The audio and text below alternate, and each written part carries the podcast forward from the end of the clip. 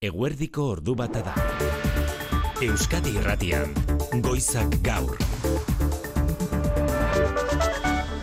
Arratxaldeon guztioi, langabezia tasa euneko zazpira jeitsi da Euskal Autonomia Erkidegoan 2000 eta zortzitik lehen biziko aldiz. Eustaten arabera, irurogeita amairu mila langaberekin, itxi dute 2000 eta hogeita irua, araban bizkaian eta gipuzkoan, 2000 eta hogeita bian baino, amasei mila eta zazpieun herritar gutxiago beraz langabezian, eta ala langabezia tasa euneko zortzi terditik zazpira jeitsi da azken urtebetean. 2000 eta hogeita iruko azken iruilekoan nabaritu da motelaldia, landunen kopuruaren azkundean batez ere, baina ez urte osoko datuak baldintzatzera inokorik. Pozik datuekin inigo urkullu lehen dakaria. Gaur, berri positibo bat ezagutu dugu. Azken, amai, amabost urteotako langabezia tasarik basuena lorpen kolektibo horrek lankidetzan jarraitzeko arrazoi gehiago ematen dizkigu. Mundu globalizatu honetan lehiakorrak izaten jarraitu behar dugu, eta lehiakortasun hori implikaziotik bakarrik etorriko da, guztion benetako implikaziotik.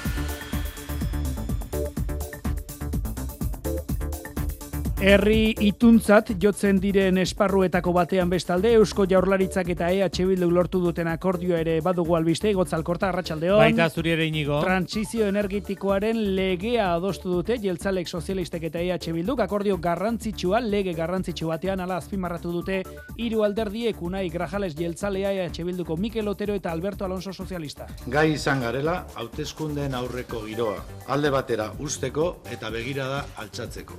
Lege honekin gutxieneko oinarri komun bat jartzen ari garela, transizio energetikoa eta klima aldaketaren aurkako politikak azkartzeko. Azkenean lege hon bat lortu dugu. Funtzeskoa diren adostasunak jasotzen dituelako hemendik aurrera arlo honetan egin beharreko politikak garatzeko. EH Bilduren eskari zain bat aldaketa egin dira legean 2030 marrerako erregai fosiletan dituen inbertsioak eten edo proiektu horietan duen zatia saldu egin beharko du Eusko Jaurlaritzak, urtero aurrekontuaren euneko biterdi berriztagarrietarako edo trantsiziorako proiektuetarako erabiliko da eta berriztagarrien proiektuak sustatzen dituzten enpresei kanon bat ezarriko zaie proiektu horiek jartzen diren herri edo eskualdetan inbertitzeko eta jabegoaren zati bat herrien eskusteko. Bestelako kontuetan Bizkaiko Foru Aldundiak sexu indarkeria jasan duten emakumeentzat zentro berria jarri du martxan helburua arreta integrala eskaintzea Teresa la Espada berdintasun diputatua. El objetivo final es asistir integralmente a las víctimas de cualquier forma de violencia sexual. Informazioa aurkularitza laguntza psikologikoa eta aldi baterako ostatu ere eskaintzen duen zentrua da 2 milioi terdiko inbertsio egin du foru gobernuak horietatik milioi terdi euro Next Generation funtsen bidez lortu dira. Aldundiak ez du segurtasun arrazoiengatik zentruaren kokapena jakinarazi, hori bai, iragarri du emakumei informazio arrunta emateko uda aurretik beste egoitza bat irekiko duela Bilboko Ledesmakalean. Eta Euskal Sagardoa sormarkak Euskal Herri osoko sagardoak hartuko ditu aurrerantzean, orain arte kanpo zeuden Nafarroa eta Ipar Euskal Herriko sagarreko izle eta sagardotegiak barnean hartuta. Horretarako mugaz gaindiko proiektu gisa zabaldu dute sormarka, zazpi lurraldeak hartzearen garrantzia azpimarratu berri du arantxa tapia ekonomia garapen sailburu. Zuberoa, be Nafarroa Lapurdi eta Nafarroa baita ere gehitu egingo direla. Beraz, zazpi lurraldeetan izango dugu jatorri deitura berbera, Euskal Sagardoarena. Ekaina edo ustailerako sormarka zabaltzeko prozesu amaituta izate aurre ikusten dute, jaularitzak Nafarroko gobernuarekin eta Euskal Elkargoarekin uneotan ari da prentsaurreko eskaintzen sagardo gileekin batera. Behin martxan jartzen denean, Euskal Herriko sagardo gile guztiek baldintza eta arau berberen pean ekoitzi beharko dute Euskal Sagardoan barkaren pean merkaturatzeko. Eta San Sebastian bezpera ere badugun honetan,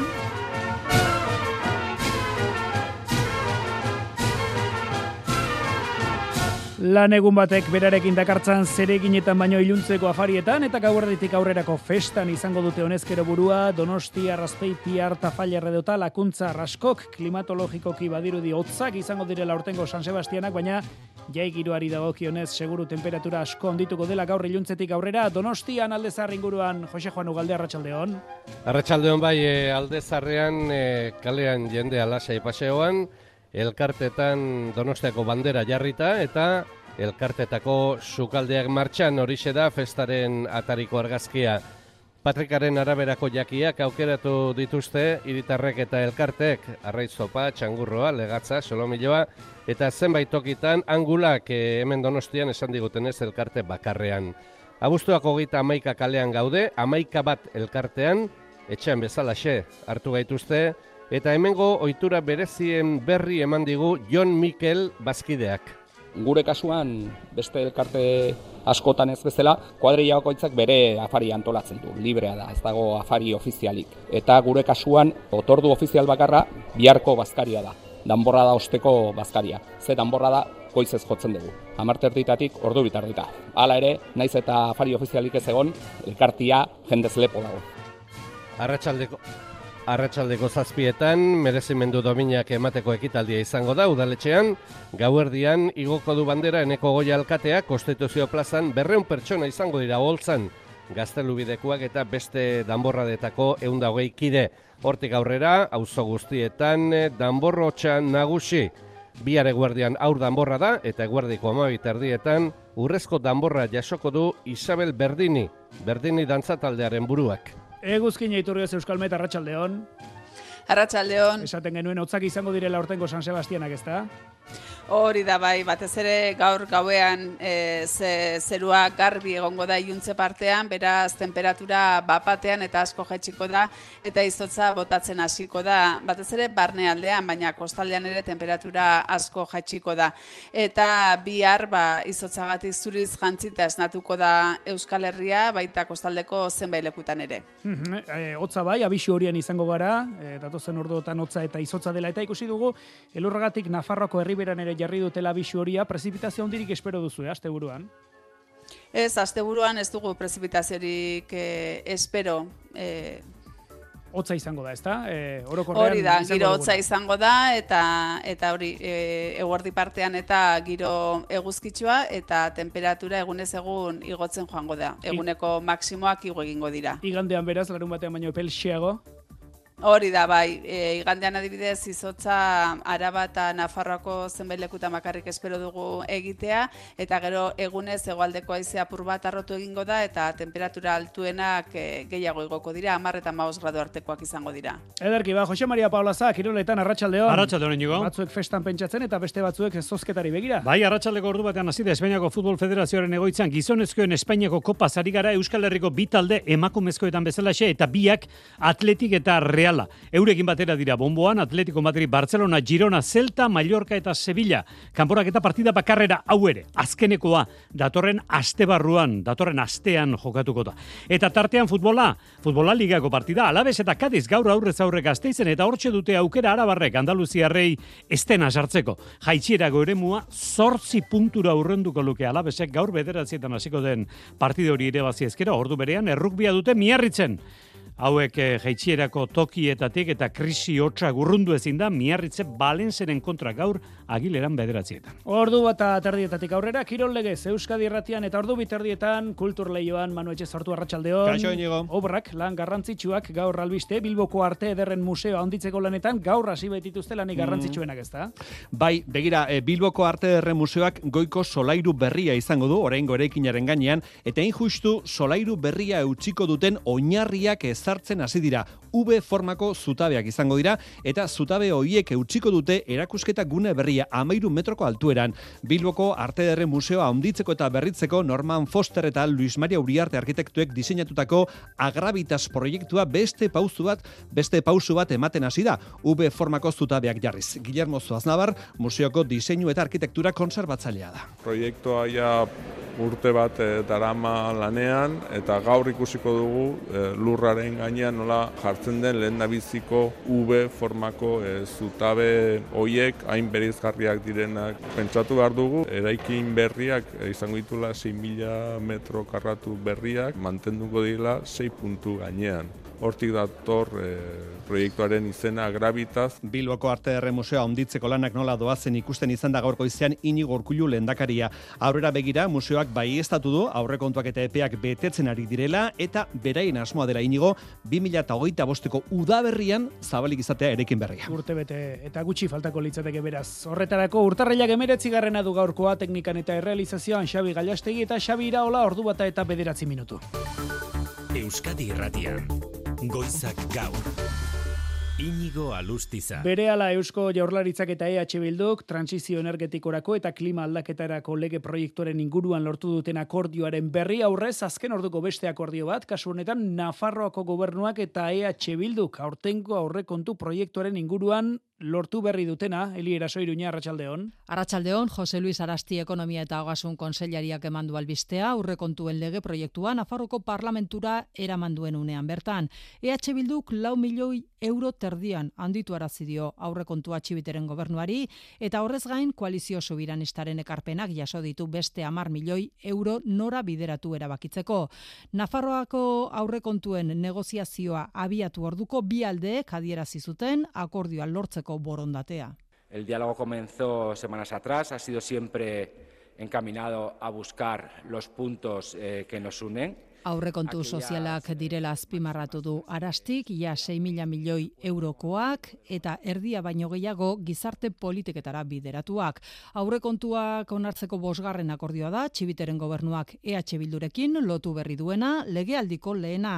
Onaino arastik aurreratu duena Laura Aznal koalizio subirenistako eledunak, foru parlamentuan ordu honetan deitu ditu edabideak, akordioaren berri emateko, aurreratu dezakeguna da hori bai, EH Bilduk aldeko botorik ez duela emanen, baina bere abstentzioarekin albidetuko dituela aurrekontua. Hori Nafarroan, Euskal Autonomia Arkidegoan bitartean hezkuntza legean etzen posible izan, baina transizio energetikorako legean bai Eusko Legebiltzarreko hiru hiru alderdi nagusien babesa izango du klima aldaketaren testu inguruan garrantzitsutzat jotzen den legeak jaurlaritza osatzen duten jeltzale eta sozialistena eta baita EH Bildurena ere hiru alderdi hauetako bozera maile azpimarratu dute zoru sendoa jartzen duen legea dela Euskadin transizio energetikoa egin dezan Euskadik jaurlaritzaren lehen proposamenak aldaketa nabarmenak izan ditu besteak beste EH Bilduren eskari hainbat txertatuz eta honela aurrekontuaren euneko biterdi urtero energia berriztagarrietara edo transizio egitera bideratu beharko da eta azpiegitura berriztagarriak ezartzen diren herrientzat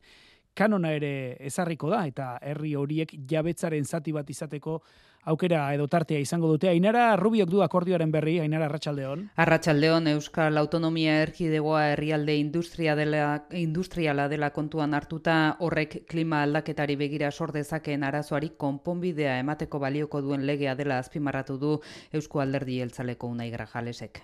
Hau, herri industriala izan da, herri industriala jarraitzeko borondatea dauka eta hori transizio energetikoarekin ustartu behar da ere eta transizio energetiko horrek ere ezin du inorratzean utzi. Eta gure ustez, guzti hori legean jarri dugu eta legean geldituko da. Abia puntu horretatik legeak jasotzen du aurrekontuaren euneko 2,5 klima aldaketa gaietara bideratuko dela, enpresek azpiegiturak ezartzeagatik kanon bat ordaindu beharko dutela 2000 eta hogeita bostetik aurrera herrian edo eskualdean inbertitzeko gero, edota herritarrek proiektuaren jabegoaren euneko hogei eskuratzeko aukera izango dutela, eta EH Bilduko Mikel Oterok garrantzitsuenetako joduen neurri hau ere bai. Baliabide fosilen e, desinbertsio publikoaren bide horri bat e, zehazten da, ezta? Eta nola ere guzti dugu honen bitartez energiaren euskal erakundeak, baina norabidea erabat bai, energia berriztagarrian eta efizientzia energetikoan e, ba, oinarrituko duela etorkizunean bere ekinbidea, ezta?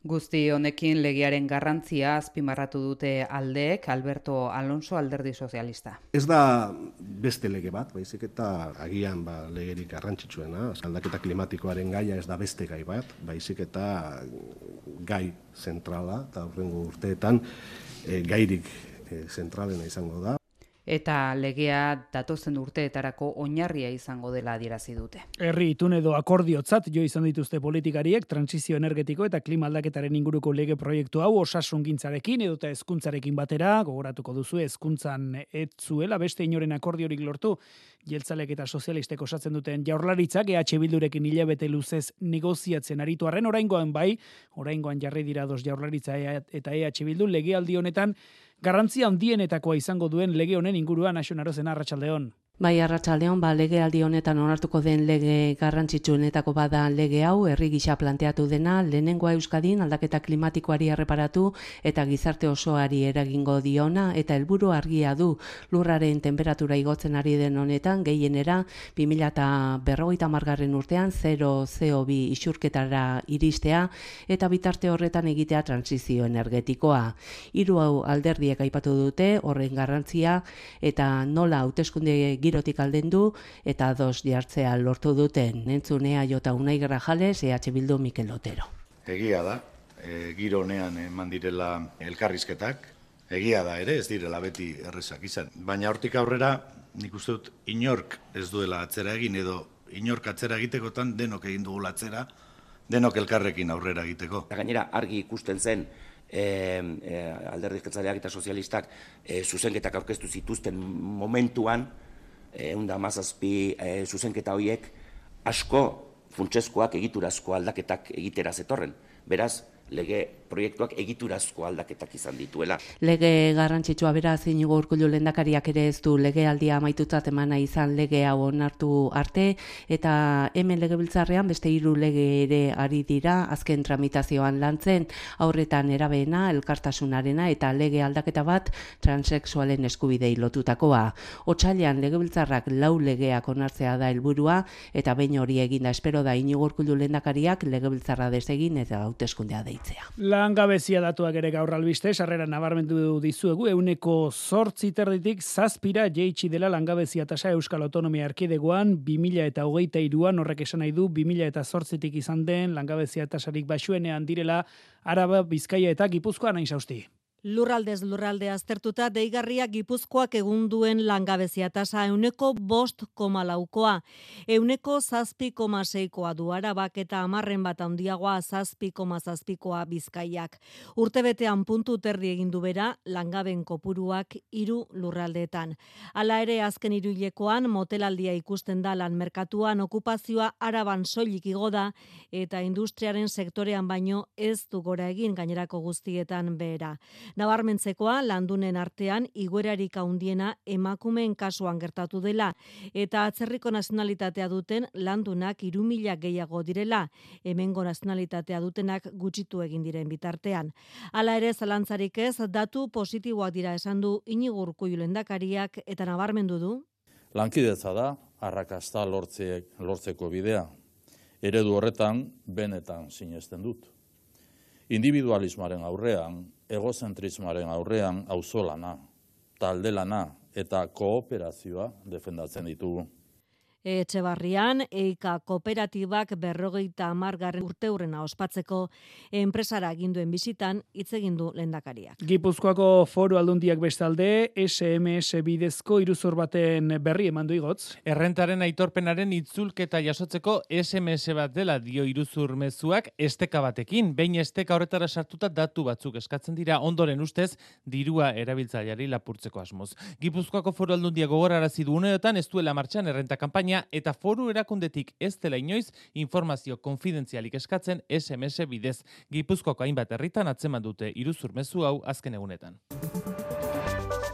Ordu bata eta emezortzi minutu, itzia rituño aktorea espero zuten gaur Bilbon, Language lanean, nazioarteko kongresuan, baina azkenean ez joatea erabaki du, sarek deitutako manifestazioan parte hartu zuela eta azken egunotan bere kontra kritika gogorrak izan dira batean eta bestean, nahi bat enpresak publizitate kontratuak eten dituzte aktoriarekin eta horrek guztiak eragin du, azkenean esan bezala, ituño ez egotea kultur sortzaile eta eragilek parte hartu duten nazioarteko biltzar horren bigarren egunean, Marijo de Gracias. Ala da ba, inigo, ikusmina bazegoen gugen jaineko aretoan, bai publikoaren aldetik, baita komunikabeden aldetik ere, itziar ituño aktoreak azken egunotan jasan dituen kritika eta jazarpenaren inguruan zerbait esango dute zuen, baina azkenean, languages lanean, biltzarraren gaurko saioan aurkezle lanetan aritu den Xabi Paiak iragarri du, itziar ituñok etzuela, mai inguruan parte hartuko, hain justu sarek deitutako manifestazioan parte hartzaren ondoren izan diren azken egunotako gora beherek eragin dioten egunezagatik. Tamalez, ala dirazidu, azken eguneko gora berengatik ez du bere burua ikusten etortzeko moduan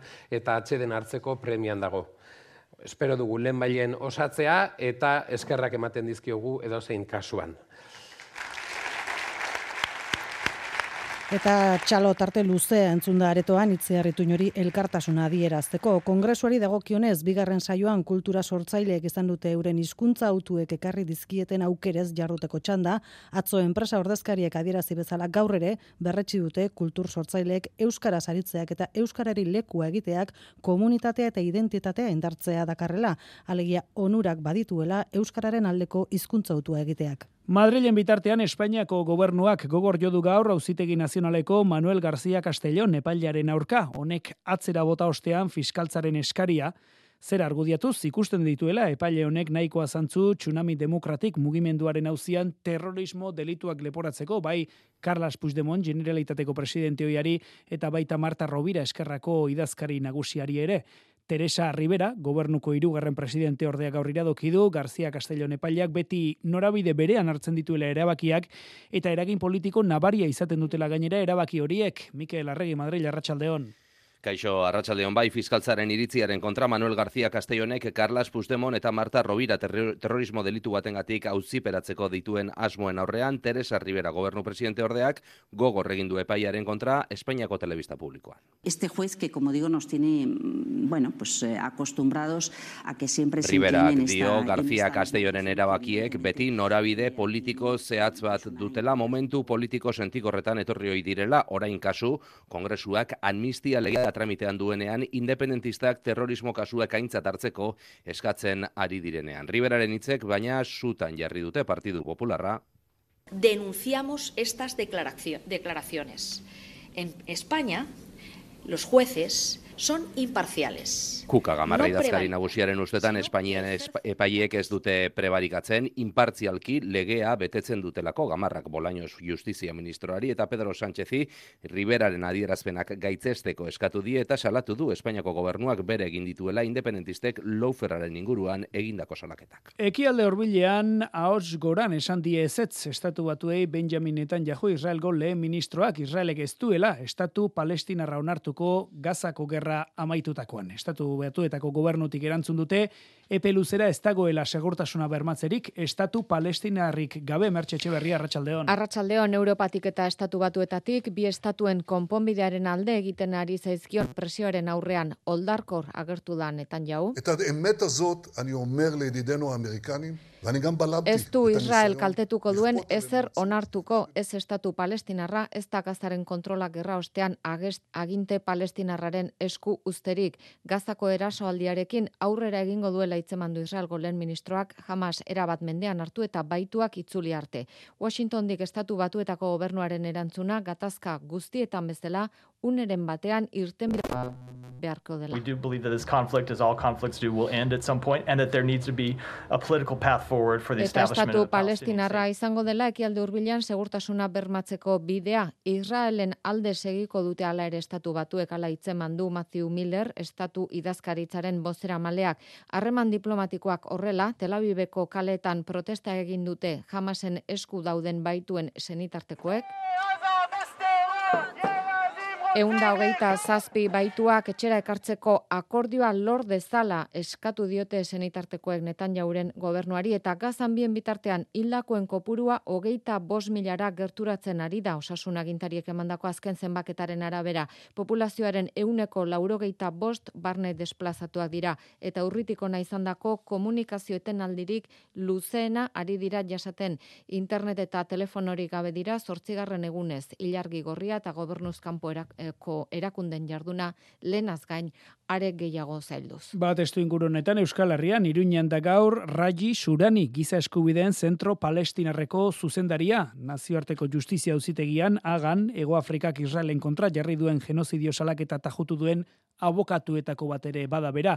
Palestinarrek bizi duten egoeraren gordina saldu du Suranik Nafarroko parlamentuko giza eskubideen batzordean zibilen hilketa masiboa, herrien suntxiketa etxeetatik ateratzera behartuta dauden eunka milaka herritar eta jatekorik gabe gainera, genozidioaz mintzo da surani Israel jakinaren gainean ari delako bere iritziz, zibilak hiltzen patxiri goien arratsaldeon. Arratxaldeon Palestinak berrogeita masei urteko okupazio eta irurogeita amabost urteko apartei da bizi duela dio Israelgo estatuak dituen adina urte esando.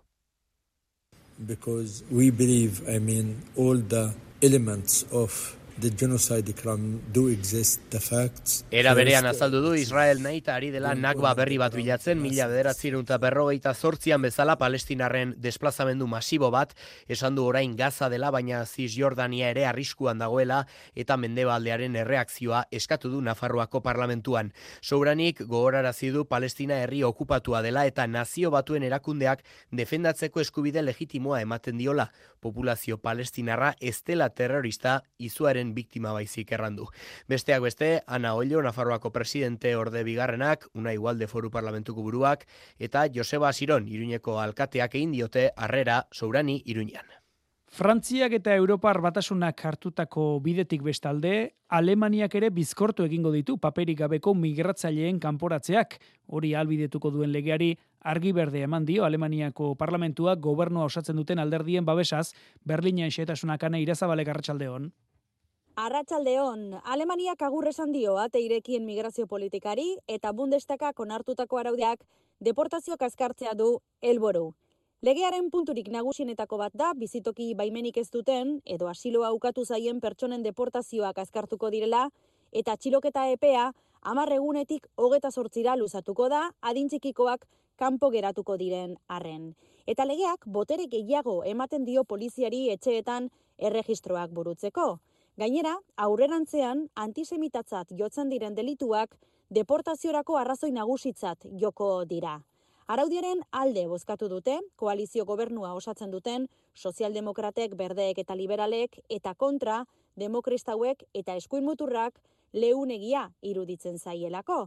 Txamponaren beste aldean berriz, bundestakak gaur onartuko du herritartasun anitzaren gaineko lege berria.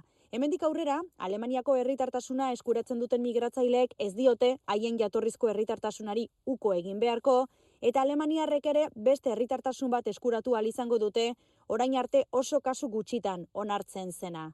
Guraso kanpotarrak dituzten eta Alemanian jaiotako umeek ere herritartasuna eskuratuko dute jaio bezain laster, gurasoetako batek azken bost urteetan bizitoki baimena izan badu. Ordu bata eta hogeita sei atzera etxean Bizkaiko foru aldundiak sexu indarkeria jasanduten emakumeentzako zentro berria jarri du martxan. Informazioa, aholkularitza, laguntza psikologikoa eta aldi baterako ostatua ere eskaintzen du zentro horrek eta uda baino lehen krisi zentro erabili duten emakumei arreta ematen jarraitzeko bulegoa ere zabalduko dute Bilbo erdigunean urtzi gartzia arratsaldeon. Arratsaldeon sexu indarkeriaren biktimek errezagoa dute orain polizia etxetik igaro gabe berehalako laguntza integrala jasotzea batetik online eta telefono bidez hogeita laborduz laguntza eskaintzen duen zerbitzua martxan delako eta bestetik krisi egoeratan arreta emateko zentroak ateak ireki dituelako. El objetivo final es asistir integralmente a las víctimas de cualquier forma de oso ematea del burua laguntza psikologiko, psikosozial edo juridikoa esan dut Teresa La Espada berdintasun foru diputatuak. Biktimek ez dute erroldarik edo inolako agiririk eragutsi behar zerbitzua jasotzeko eta beharrezkoa baliz osasun zentrora, komisaldegira edota bulego judizialera joateko doako garraio eskaintzen du aldundiak se concibe como un espacio seguro. ¿Quiénes son las personas destinatarias? Segurtasun arrazoengatik kokapena jakinera ziesten zentro edo espazioa segurua da, emakume guztiek erabila izango dute eta din txikikoen kasuan babestuta daudenak babesik gabekoak aurreta gazten arretarako bulegoak hartatuko baititu abendutik ona, bi emakumek jaso dute arreta krisi zentro horretan, naiz eta denera masortzi dei jaso. Alaber, emakumei informazioa arrunte emateko bulego irekiko du Bilboko Ledesmakalean foru aldundiak, gaurren mandako datuen arabera gainera sexu askatasunaren aurkako eraso edo biktimizazioek gora egin dute azken urteotan 2023ko urtarriletik azarora bitartean berrehun eta laurogeita kasu aurreko urteko epe berea baino ehuneko ia 18 gehiago inigo. Eta gazteizen, udal gobernuak urtea amaitu baino lehen, nigorreko dio eusko jaurlaritzari, hiriburuko tentsio handiko eremuak izendatzeko eskaera formala ala adostu berri dute, sozialistek jeltzalek eta EH Bildu guztira gazteizen bost barrutik betetzen dituzte, izendapen hori jasotzeko baldintzak, irati barrena gazteiz, arratsaldeon. Arratxaldeon bai, etxe bizitzaren behatokiak duela hilabete argitaratutako txostenak jasotzen ditu prezioa dela eta bost tentsio, ere, an, tentsio handiko eremu horiek, maparen gainean jarrita, hiri Euskadi oso alitzaken ekazal eremua izan ezik izendapenak Eusko Jaurlaritzak egiten ditu, horretarako eskariak ordea udalak EH Bilduren ekimenez, Gasteizko udal gobernuak hartu du horretarako konpromisua, aurrera pausua da Unai Fernandez de Betoño EH Bilduko zinegotziarentzat. Uste dugu, gaurko akordioa, bueno, aurrera pauso bat dala, alokairuaren presioak mugatzeko sistema baterantz, etxe bizitzaren presioak eh, maksimo historikoetan daude eh, gazteizen. Sozialista eta jeltzalentzako eskaria bera baino garrantzitsuagoa da, gerora etorriko dena Beatriz Artola Zabalea jota Pascual Borja PSE. Deberemos actuar con prudencia para evitar consecuencias indeseadas. Lo verdaderamente necesario es establecer ese plan de acciones y actuaciones muy específico para cada una de las zonas.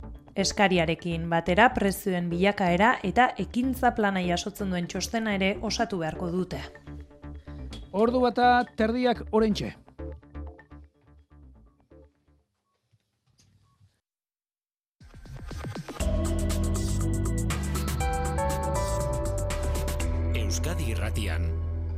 Eguraldia eta trafikoa. Errepidetan ez dugu aparteko eragozpenik, ala esan digute trafiko arduradunek eta eguraldiari dagokionez hotzak oso hotzak izango dira datozen orduak abisu horian izango gara, hotza eta izotza dela eta eta baita elurragatik ere bada ezpada Nafarroako herriberan hause Euskalmeten iragarpena. Datozen orduetan odia gutxitu egingo dira, arratsalean ostarteak zabalagoak eta ugariagoak izango dira, baina iaztan abarituko temperaturan altuenak lau eta zortzi gradu artekoak izango dira, eta iparrekialdeko aize fine ibiliko da. Iluntzean zerua garbi egongo da, beraz temperatura bapatean eta asko jaitsiko da eta izotza botatzen hasiko da barnealdean. Eta bihar izotzagatik zuriz jantzita esnatuko da Euskal Herria baita kostaldeko zenbait lekutan ere.